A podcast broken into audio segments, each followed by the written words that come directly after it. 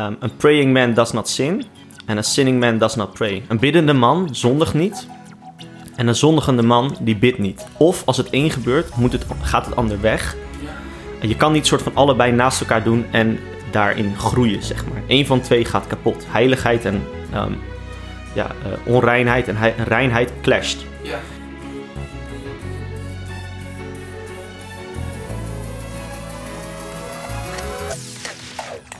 Hey hallo, wat leuk dat je luistert naar Achter Jezus aan. Ik zit hier in uh, Rotterdam met Mark Peter.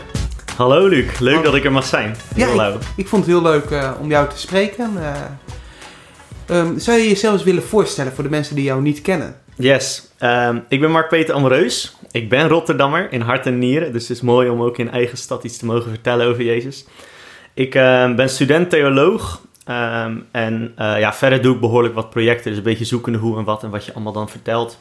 Uh, maar ja, ik ben leraar godsdienst. Dat doe ik ook nog echt veel op een seculiere middelbare school. Dus dat is ontzettend leuk om daar met leerlingen en leraren te praten over Jezus. Um, en eigenlijk ook nog wel eens betaald zelfs erbij. Maar ik mag daar echt mijn passie ook uitdelen bij mensen die hem nog niet kennen. Dus dat is ook echt geweldig. Ja, dat is een beetje wat ik doe. En verder um, vol liefde volg ik Jezus. Dat is wat ik mag doen en daar ik enthousiast over ben. Gaaf. En een seculiere school is een niet-christelijke school, toch? Ja, ja, ik zeg nu seculier. Um, maar het is in principe het is van christelijk onderwijs. Ja? Alleen wat je wel ziet is dat het grootste deel van de leraren um, heeft geen levende relatie, kent Jezus niet. Ja. Um, en de meeste leerlingen uit mijn klas van een klas zouden misschien van 30 leerlingen twee of drie een christelijke achtergrond hebben.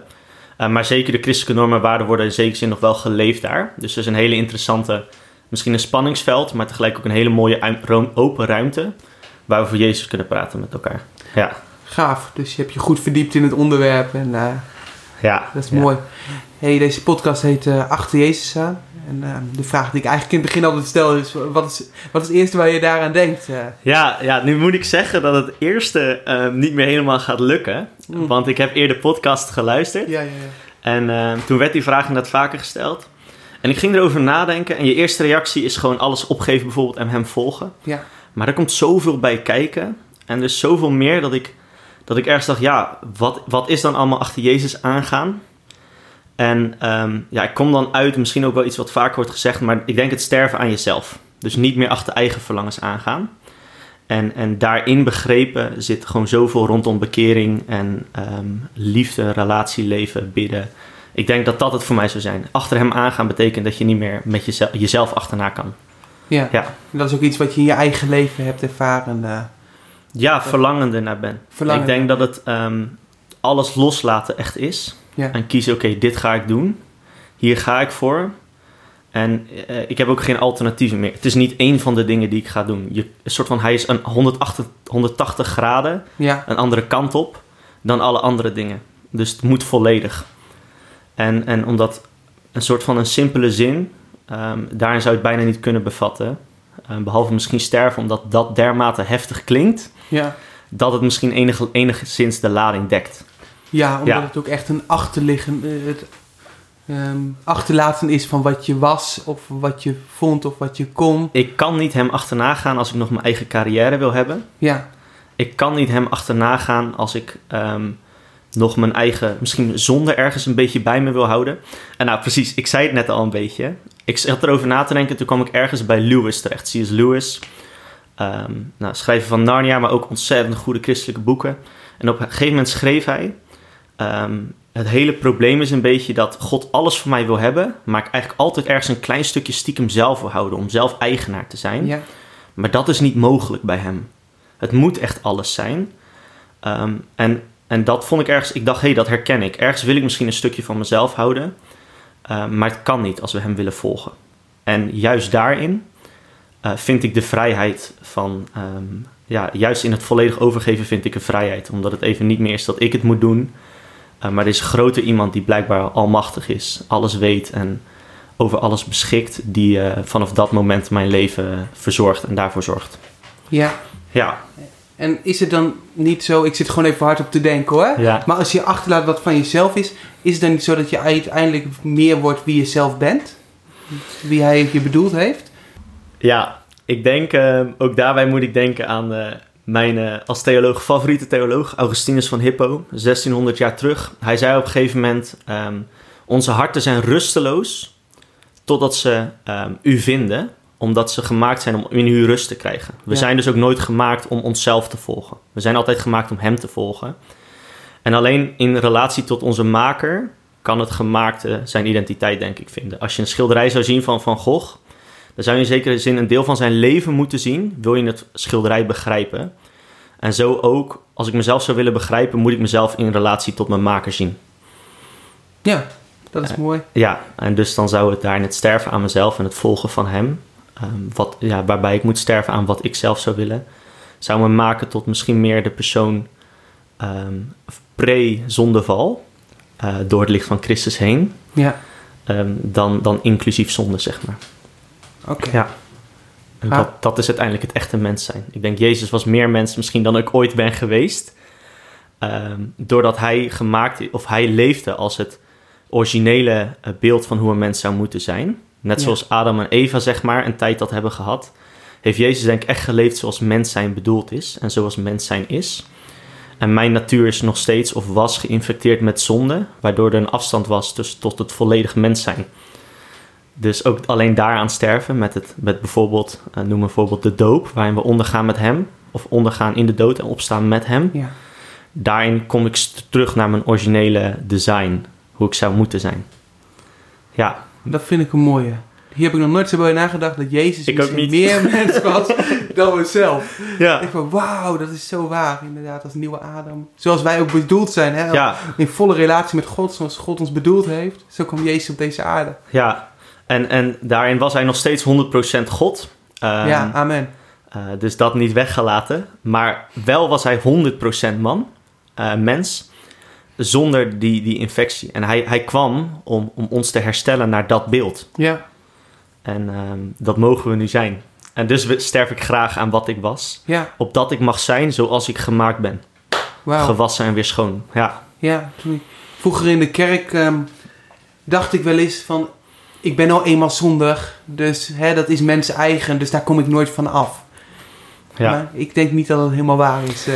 Nee, dus, dus um, vaak komt dan de tegenargument als je zou zeggen dat, dat, dat je daarvan af kan zijn, dan zouden mensen zeggen: ja, maar denk je dan dat je zonder zonde kan zijn? En die vraag, dat vraagstuk komt vaak langs. Ja. Zelf kom ik eigenlijk op het volgende uit. Allereerst denk ik: probeer het maar. Wat, Weet je, um, het is geen excuus om te zondigen, maar ook er zijn gewoon bepaalde dingen die je kan doen om daarin te veranderen. Op een gegeven moment las ik iemand en die schreef: um, A praying man does not sin, and a sinning man does not pray. Een biddende man zondigt niet, en een zondigende man die bidt niet. Of als het één gebeurt, moet het, gaat het ander weg. Ja. Je kan niet soort van allebei naast elkaar doen en daarin groeien, zeg maar. Eén van twee gaat kapot. Heiligheid en um, ja, uh, onreinheid en reinheid clasht. Ja. Dus ik besloot, oké, ik ga bidden, bidden, bidden, bidden. En vanaf dat moment dat ik echt die lange tijd nam, ehm, ja, noem het uren per dag, um, veranderde iets in mij waardoor ik rein ging worden. Ik, ook, maar ook verlangens verdwenen. Ja. Verlangens die fout waren, verlangens. Ja, dus ik durf te zeggen, ik ben zoveel heiliger dan waar ik was. En, en die, die trend, ik denk niet dat er een moment is dat God zegt: Oké, nu ben je zo heilig als een mens kan zijn. Er, kan, er is altijd groei in heiligheid, denk ik. Ja. En hoe meer ik hem zoek, zoek, is dus ook niet werken, zeg maar. Ik zorg gewoon, mijn hart is op het koninkrijk gevestigd. En hij verandert mij van binnenuit naar iemand die lijkt op iemand uit het koninkrijk. Dus, dus word ik heilig, want het koninkrijk is heilig, daar kijk ik naar. En ik zoek eerst het koninkrijk van God en alle andere dingen worden gegeven. Ja. Waaronder dus juist die heiligheid, waardoor ik word zoals ik gemaakt zou moeten zijn. Of ja. ben. Ja. ja. heel gaaf. Ik, uh, inderdaad wat ik zeg, het was voor mij ook altijd dat me geleerd was. En ik ook inderdaad het als excuus zag van, nou ja, ik kan nou eenmaal niet heilig zijn. En ik zag die voorbeelden ook niet om me heen. Ik zag mensen die in de kerk waren en zo, die ook allemaal gewoon in onreinheid leefden en wat dan ook. En ik dacht ook, het kan niet. Maar op een gegeven moment zag ik mensen en ga het maar als streven zien. ik ben al veel verder dan dat ik dacht dat een christen kon zijn, zeg maar. Ik ben nog lang niet perfect. Ik bedoel... En laat het ook nooit een excuus zijn, omdat, omdat zonde um, zal je dus ook altijd afhouden, of het onheilige, zal je altijd afhouden van, van geluk. En niet zozeer dat ons doel is om zo gelukkig mogelijk te zijn, maar vrij zijn, zeg maar, ja. in Hem. Um, het is zo fijn dat ik gewoon niet meer die strijd heb van binnen. Het is zo fijn dat ik niet meer boos word als iemand me de weg afsnijdt of als er iets verkeerd gaat. Ik, Het is zo fijn dat ik daar vrij van ben. En, en ik geef gewoon niet in daarin. Geef niet, ehm, geef niet op. Of zeg maar, oké, nou die dingen zijn nou eenmaal deel van mijn leven en ik kom er blijkbaar niet vanaf. Maar kies om opnieuw te strijden. Ja. Uh, of word radicaal in strijden. Ga vasten. Ga die uren bidden. Zeg maar, oké, dan misschien raak ik vriendschappen kwijt. Of misschien worden mijn cijfers lager. Maar ik moet nu gewoon u hebben hierin. Ja. En, en dan zorgt hij wel voor de rest. Ja, dat je dat echt als hoogste doel hebt van je hele leven. Ja, ik denk wel eens af en toe, ja. Ehm, soms is het ook alsof hij tussen mijn planning doorkomt. En dan, dan kan, heb ik wel even tijd of ik heb dan een kwartiertje. Maar wat nou als we het helemaal omdraaien en u echt alles bent? En daar merk ik gewoon... Ehm, dat, dat gebeurt de laatste weken dus ook echt. Dat ik, ik moet bij hem zijn. Het, het doet pijn als ik er niet ben. Niet om, als een soort zweverig idee of gevoel. Nee. Maar er zit gewoon een verlangen in mijn hart. Ik mis hem. En ik ben altijd met hem en zo. Maar er is een ander... Als ik op mijn kamer op mijn knieën zit... Ehm, bijvoorbeeld alleen het, het avondmaal vier... Dan, dan ben ik zo intiem met hem. En het is niet eens per se dat ik een kippengevelgevoel heb of dat soort dingen. Maar daar is het gewoon oké. Daar is het veilig. Daar is rust. Daar is hij.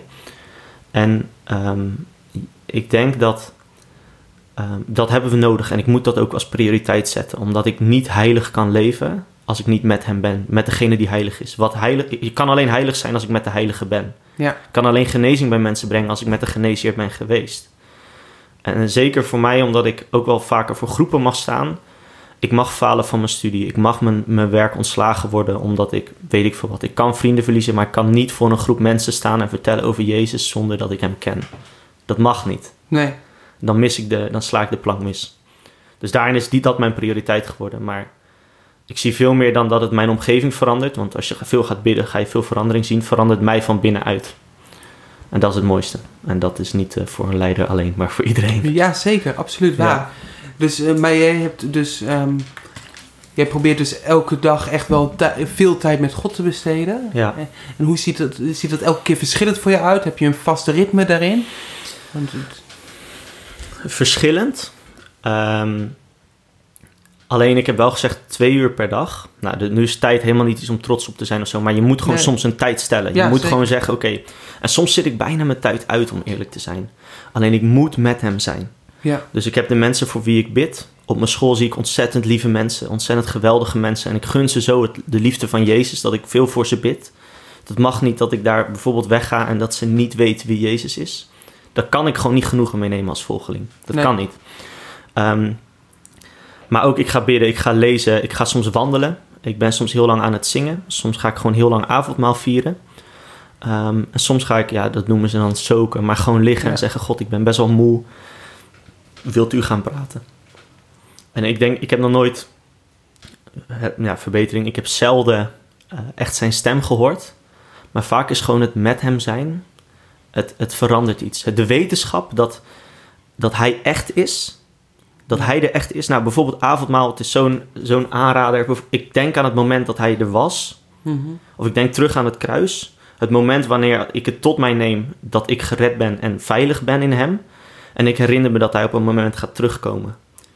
Dus verleden, heden en toekomst wordt bepaald daar met Jezus. En het verandert alles in wat ik doe. Ik kan terugkijken op mijn verleden. En ik zie dat Jezus daarin was, maar ook hoe ik hersteld daarvan ben. Nu met alles wat er gebeurt of niet gebeurt, weet ik dat Hij er is. En ik weet dat op een dag Hij terugkomt en dat geeft me de juiste visie, zodat ik ook leef voor Hem. Ja. Ja. Gaaf. Ik moet, ja. Ja, ik vind het vooral ook mooi dat je zegt hè, dat gewoon met Hem zijn, dat dat zo um, soms nog wel belangrijker is dan zijn stem horen. Dan moet ik altijd denken aan een uh, kind die dan bij de vader gewoon op schoot zit. Als, ik weet het zelf als kind dat ik dat fijn vond. Dan hoefde ik geen eens met mijn vader te praten of zo. Mhm. Dan zat ik gewoon bij hem. En zo zie ik dat soms ook in mijn tijd met God. Dat ik gewoon bij hem ben. Ja. Dat is genoeg of zo. Ja. ja, en we zien dat hij zo liefdevol is en intiem. En tegelijk daarin, als we meer met hem gaan zijn, zien we ook hoe groot hij is. Ja. En die combinatie, als we niet met hem zijn in het intieme, dan is het een soort afstandelijke, objectieve God die we moeten pleasen misschien. Ja. En terwijl als ik met hem ben, dan zie ik ook gewoon dat het goed is. Of tenminste, ik word ook overtuigd van mijn eigen zonde. Dat zie ik zo enorm. Maar juist doordat ik met hem ben, weet ik, oké, hij is goed en ik niet. Hij is heilig en ik niet. Maar hier mag ik toch hem krijgen, hem ontvangen. Ehm, ik sterf aan mezelf, maar hij gaat leven in mij. En dus ben ik in zekere zin heilig en goed. Alleen door hem heen, en is het niet zozeer ik dat heilig is, maar degene in mij. Ja. Ja. Ja, bijzonder. Het is inderdaad ook dat, dat God zo twee kanten heeft. Hè? En ook, maar twee kanten, het is gewoon nog één God. Maar wel dat het soms een spanningsveld is. En de liefdevolle vader. En de heilige koning die, ja. waar je voor op de grond valt. Waar je voor op je knieën gaat. En de liefdevolle vader waarbij je op schoot zit. Dat is... God is constant, we hadden het er net met het eten toevallig ook al over. Hij is, het is constant um, beide, zeg maar. Ja. Het is een hele heftige God die echt heilig is, maar ook echt liefde is. Die echt straft, maar ook echt vergeeft. Ja. En ergens daarin is het ook constant zoeken, ook voor ons leven als christen, zeg maar. Aan de ene kant zegt God, het is oké, je wordt gered door geloof in mij. Uh, maar aan de andere kant zegt het ook, ja, maar geloof zonder werken is ook dood, Jacobus 2. Mm Dus er wordt, we worden niet door werken gered, maar tegelijk zegt hij ook zo erg, hé, hey, er hoort iets actief erbij te zijn. En dat, dat zwart-witte, dat constant clash, zeg maar, daarin. Of die twee kanten, zeg maar, zwart-wit. Hij, hij zal altijd wit zijn, zeg maar, daarin, het heilige en reine. Maar um, die, die zoektocht is er wel veel. God is zo liefdevol die de, die de, um, de zondaren van die tijd altijd opzocht en die, die liefdevol vastpakte. Maar tegelijk was hij zo hard tegen mensen die, die zeiden: hey, ik geef alles weg. En dan zegt hij: Oké, maar ook al je geld, zeg maar. Of je, je houdt je al aan alles, maar nu al je geld. Ja. En dus vraagt hij zoveel meer dat hij zo radicaal is, maar tegelijk zo zacht en teder. Dat is moeilijk soms om helemaal te begrijpen. En we neigen soms heel erg naar één kant of proberen te counteren door heel erg de andere kant op te gaan. Ja. ja. Als zie je natuurlijk wel bij Jezus die dan bij de zondaren kwamen. Ja. De zondaren veranderden wel. Ja, ja, ja, absoluut. Het was niet zo dat ze hetzelfde bleven. Ja. dat, dat dat wel iets is. Ja, ja, dus hij was maar zo liefdevol tegen de mensen die hem nog niet kenden. Ja. Maar ook tegen de mensen die hem, hem, soort van hem zouden moeten kennen. De religieuze leiders. Ja. Daar was hij soms zo scherp tegen. Ja, ja dat, dat vind ik soms zelf nog heel erg zoeken. Hoe, um, hoe, wat is ook mijn plek daarin? Ja, ik, ik heb ooit met iemand gesproken en die zei tegen mij... Um, wij als kerk halen liefde, um, liefhebben en lief zijn wel eens door elkaar. Soms is het helemaal niet liefhebben als je alleen maar lief bent tegen iemand. Want dan verandert iemand niet en dan kan iemand nooit meer op Jezus gaan lijken. Soms is liefhebben juist een harde, confronterende boodschap. Ja. Ik kan in mijn leven echt wel momenten aanwijzen dat mensen die dicht bij mij stonden echt een harde boodschap naar mij hadden. Maar wat mij echt heeft veranderd en wat, wat goed was voor mij. Ja. Dus ja. Ja, dus een, ehm, ehm, dat is op een gegeven moment een spreuk. En helaas kan ik hem niet goed quoten. Maar liever een, een harde tong vol liefde, zeg maar ja. En nu quote ik hem niet goed, dus uh, excuseer mij. Maar liever een scherp woord van een vriend dan verleidende woorden. Of liefkozende woorden van een, van een vijand, zeg maar, in die zin. Ja. En um, anders is het mijn eigen spreuk nu. Mooi. dat is het niet bijbels, maar wel maar Peters. Een, dan gaan we gelijk een quote maken ja. op Instagram. Top. Nee, en, uh, maar dat is zo. Alleen wat je dus ziet, en daarom worden we soms ook beïnvloed door de cultuur. Onze cultuur zegt heel erg dat alles goed is. Ja. En dus krijgen we soms als christen ook het idee dat alles maar goed moet zijn, zolang het een ander bijvoorbeeld niet schaadt. Terwijl God wel duidelijk heeft gezegd: hey, dit is wel goed en dit is niet. Dus kan ik in liefde zeggen: hey, je doet hier iets wat verkeerd is. Ehm, niet omdat ik oordeel, maar juist omdat ik je lief heb. Mhm. Dat is de hele zoektocht waarin we dus soms zoveel over liefde praten en een liefhebbende God. En kom alsjeblieft terug naar de kerk. Terwijl God ook zo streng is op momenten. Ja. En, en, maar dat is juist liefde als we dat zouden vertellen. Want Ehm, we zijn ook verantwoordelijk voor elkaar ziel, zeg maar. Voor hoe iemand gaat, wat iemand doet. Ja. En ik kan je lief hebben, lief hebben, lief hebben. Maar op een gegeven moment zei ik ook tegen een vriend van mij... hey, in je daten ben je volgens mij veel meer op zoek naar iemand die jou aanvult. En ben je een gat aan het vullen. En um, maak je een god van, van meiden, zeg maar. In plaats van dat je bij God bent en van daaruit heel wordt en dan gaat. Ja. Vond ik zo spannend om te zeggen. Want hij dacht, ik dacht, ja, straks voelt hij zich veroordeeld. Maar hij zei ook, hey, dat heb ik nooit zo gezien. Dus die liefdevolle vooraf gebeden, maar die liefdevolle terechtwijzing, mhm. waar ik een goed moment voor koos, dat, dat liet hem ergens zien: hé, hey, misschien wandel ik hier wel in een zonde. En misschien ga ik ook nooit vinden wat ik zoek, omdat ik mezelf nog steeds in focus heb daarin. Ja. Ja. Ja, dat is inderdaad uh, een zoektocht. Maar wel gaaf als je dat doet. En ik vind het heel fijn dat ik dat heb. Ik heb een bepaalde. Mijn vriendengroep, die weten ook, die kunnen mij terechtstellen. Zo'n groep vrienden om je heen die dat doet. Dat is mhm. fantastisch. Alhoewel denk ik wel vaak dat het gaat om een bepaalde kring van invloed of zoiets. Ja. Op wie heb ik invloed om dat tegen te kunnen zeggen? Heb je, heb je ze bijvoorbeeld ook vooraf een soort van de toestemming gegeven om in je leven in te spreken? Ja, zeker. Ik heb met de vrienden, we hebben dus ook streep mee opgezet en zo, hebben we dus echt toestemming aan elkaar gegeven om echt inspraak in elkaars leven te hebben. En ik denk dat dat ook belangrijk is, dat je vrienden om je heen hebt die inspraak hebben op je leven. En jezelf ook.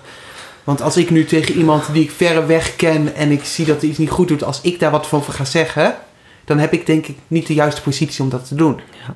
En weet je wat het ook is? En, en precies dit. Ehm, ergens, een van de dingen die we misschien als laatste zien als christenen, is dat we eh, blind worden geestelijk. Heel raar gezegd. Ik, ik, ik rephrase hem ook even. Een van de dingen, laatste dingen die we misschien zien van onszelf is dat we lauw worden. Ja. Dat we andere dingen de eerste liefde laten worden. Dat we andere goden gaan aanbidden. Wat Israël de tijd deed, het was niet van de een op de andere dag gingen ze helemaal naar andere goden toe. Maar langzaamaan veranderden ze weer. En langzaamaan werden hun ogen gefocust op de wereld. Ja. En zo ook tegen een vriend kunnen zeggen, of al ben je ja, tegen een vriend kunnen zeggen: hey, je verandert. Je bent je eerste liefde vergeten. Ja. Het is niet meer je, het belangrijkste voor je. En weet je nog dat het wel het belangrijkste was? Weet je nog dat je hierin volledig heilig wilde zijn? Weet je nog dat je daarnaar streefde? Weet je nog dat je toen bad altijd? Je verandert. Ik zie het aan je. Je wordt weer misschien zaggerijniger. Je begint weer te mopperen. Of je, je begint de dingen van de wereld weer belangrijk te vinden. En ergens doet God ons dat. Hij laat dat zien in gebed of als we met hem alleen zijn. Mhm. Maar juist ook kunnen we elkaar daarbij helpen. Daarom zijn we gemeenschap met elkaar. Petrus sprak notabene Paulus, heft, of Paulus, excuus. Verbeterde Petrus op een heftige manier. In Galaten lezen we dat. Dus zelfs die apostelen, die grote mannen van God, ja. die waren gewoon met elkaar soms aan het clashen in liefde. Om elkaar aan te spreken. hey, Petrus, je, je verandert man. Je doet hier iets waar je jezelf tegenspreekt. Dit is niet wat onze Heer wil. En ehm, ja, als zelfs zij nog de mist in gingen en elkaar moesten ja, bijsturen, dan hoop ik dat wij dat ook met elkaar kunnen doen. Ja, dat is de kracht van kerk, hè? Ja, daarom zijn we gemeenschap. Ja, het is net hoe je het noemt, maar ja. uh, dat is zeker de kracht. Ja. Mooi.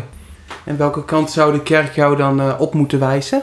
Ja, ik denk nogmaals het volledig de liefde voor Jezus. Het Hem liefhebben met heel je hart, uh, al je kracht en al je verstand. Dat dat op één is. En um, ik denk ook een bepaalde scherpte. Waarin we zeggen, hey, christendom is niet alleen in de kerk zitten. Maar christendom is een leven dat volgt. We zijn niet publiek dat klapt. We zijn deel van het toneelspel, zeg maar. Als ik de vergelijking met een theater trek. We zijn niet publiek. Dat is niet het idee van kerk zijn. Een theater en een, en, een, en een publiek. We zijn geroepen om wat te doen. En daarin is er een bepaalde scherpte waar we het met elkaar over moeten hebben. Waar we elkaar moeten aanspreken. hey, je kan niet passief christen zijn. Het, het bestaat niet. Je bent actief christen. Een christen volgt. Een christen moet van de laatste opdracht van Jezus... maak alle volken tot mijn discipelen. De laatste opdracht toen hij hier was op aarde... zijn eerste prioriteit maken. Dat gaan doen. De laatste opdracht wordt de eerste prioriteit. En daarin Ehm, ook vooraf, ik las toevallig vandaag nog Johannes. Johannes, ehm, het evangelie. En daarin zie je het verhaal van de broden. En ik las één zin die er voor, voor, voor het eerst zeg maar echt uitsprong. Uh, Jezus um, vermenigvuldigt het brood en de vissen. De mensen vinden het helemaal geweldig, want hij heeft dan de grootste crowd die hij ooit heeft gehad. Ja. Dan vertrekt hij. De mensen gaan achter hem aan. En je denkt, wauw, een hele crowd die over het meer achter hem aangaat. En dan zegt Jezus, en dat had ik niet eerder gelezen, jullie komen voor het brood. Jullie komen voor hetgeen wat jullie kunnen krijgen van mij.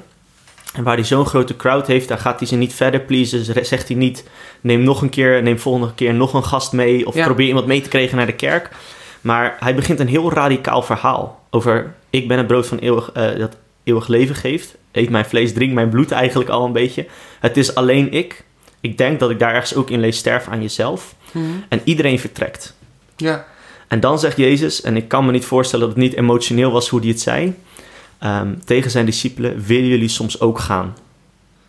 Willen jullie soms ook weg? Dat is um, Johannes 6 uit mijn hoofd. Um, willen jullie soms ook gaan? En dan zegt Petrus: Waar moeten we heen zonder u? Wow. U bent de enige, u bent de levende God. En zij begrijpen het. En ergens denk ik, in die grote crowd kunnen we soms missen. Als het radicaal is, lopen we weg bijvoorbeeld. Maar ook, hij heeft dat persoonlijk gesprek met zijn discipelen. En, en ze houden elkaar daarin scherp. En ergens zie ik daarin dat we alleen deel zijn van een grote crowd is niet genoeg. Uh, maar juist in kerk ook met elkaar één op één elkaar scherp houden daarin is zo belangrijk. Omdat de kwaliteit maakt Jezus niet zo uit. Of de kwantiteit, excuus. Totale rephrasing ook weer. De kwantiteit maakt hem niet uit. Hij maakt, geeft niet om hoeveel mensen er zijn. Hij kijkt naar de mensen die echt volledig gecommit zijn. En daarvoor moeten we elkaar scherp houden. Want het is moeilijk op momenten om volledig commit te zijn. Het is moeilijk om vroeg uit bed te komen. Moeilijk om alles altijd, altijd liefdevol te zijn. Ehm, ja, ergens het makkelijkste ooit als je met Jezus leeft en hij die het van binnenuit verandert. Maar het is ook, ja, het is wel moeilijk, vind ik ook op momenten. Het is moeilijk om zo gedisciplineerd vaak bij hem te zijn, al zou ik nooit iets anders willen. Ik wou net zeggen, het is wel het ja. beste ooit. Ja, en misschien alles wat iets waard is, is ook wel, vraagt ook offers. Ja. De mooiste auto's, de duurste dingen, zeg maar. Of de mooiste auto's, de grootste huizen, zijn het duurst. Ja. En dit is zoveel mooier en meer, want we krijgen een nieuw leven. Mhm. In hem leven wij. En, maar het kost ons ons eigen leven. Dat is wat we betalen. Amen. Ja, ja mooi. Ik vind het ook wel... Ehm, het is gewoon wel apart inderdaad als je dat ziet van Jezus. Dat hij ehm, eigenlijk altijd als hij in één keer heel veel mensen achter zich aan heeft... dan zegt hij weer iets ontzettend confronterend. Of ja. waardoor er allemaal mensen weggaan. Ja, dan gaan we even terug naar de basis. Ja, ja. ja dat is toch fantastisch. Dat we in kerken dan soms toch te bang zijn om mensen te verliezen. Om iets radicaals te zeggen. Ja, maar ik denk dat dat ook meer en meer, ik zie het tenminste meer en meer. Ik denk dat we weer radicaler worden. Ergens ehm, is corona daarin goed, dat we even niet meer in de kerk kunnen zitten. En ik hoop dat we, kerk, dat we christen zijn uit de kerk trekken. We zijn, het, het Griekse woord, we zijn kerk als we samen zijn. Niet in een gebouw, maar kerk is gemeenschap. En misschien gaan zoveel mensen, ik denk dat een heel deel van de mensen misschien niet meer terug in de kerk gaat komen. Maar wat nou als een deel niet meer terugkomt en we kiezen met elkaar radicaal te zijn en van daaruit de nieuwe mensen die komen ook weer radicaal Jezus gaan volgen. Ja. Want niet iedereen die Heer, Heer zegt, ehm, wordt gered. Ja. Maar de mensen die hem echt volgen. En, en daarin hoop ik dat we niet in de kerk denken dat we met een hand die we de lucht in steken, een gebedje dat we ooit bidden, gelijk denken dat we gered worden. Nou, nu wil ik je ook niet bang maken, zeker niet alles behalve. Alleen het is juist ook, ik denk juist die harde liefde om te zeggen: hé, hey, eh, hoe zit dat ermee? Volg je hem echt? Mhm. Leef je echt voor hem? Of is het een dingetje dat je erbij doet? En voor jezelf uh, geef niet in. Geef hem alles. Want um, zoveel jaren heb ik ingegeven. Ik ben het laatste goede voorbeeld. Ik kan Paulus. Ik durf bijna een battle met Paulus aan te gaan om uh, wie de grootste zondaar ooit was. maar ik leef met mij, dus ik weet dat ik zo vaak fout heb gemaakt. Maar elke keer ik, ik, gaf, ik, gaf ik, ik gaf niet echt alles aan hem. Ik durfde het niet. En hoe meer ik dat doe, hoe meer ik zelf vrij ben.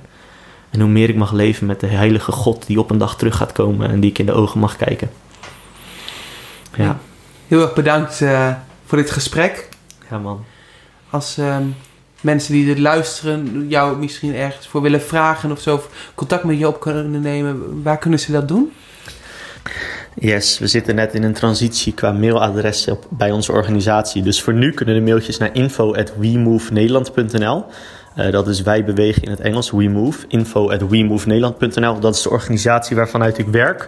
Rondom sprekersbeurten kan je mij dus mailen um, naar dit adres toe. Maar ook, en misschien nog wel belangrijker, ik ben um, ambassadeur van World Outreach International. En dat is een internationale organisatie die bezig is met het bereiken van de mensen die 80 jaar op deze aarde kunnen leven zonder de naam van Jezus te horen. En mocht je geïnteresseerd zijn in zending en daarin willen kijken, dan zou ik met je willen kijken of je misschien door middel van World Outreach op korte of lange termijn voor korte of lange tijd ervaring op kan doen um, binnen zending. Um, in, in uh, samenwerking met mensen die al 30, 40 jaar ervaring hebben met het bereiken van deze groepen.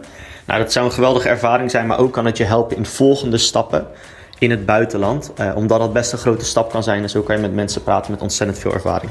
Anyway, stuur me een berichtje. Heel veel liefs en uh, bedankt dat ik er mocht zijn.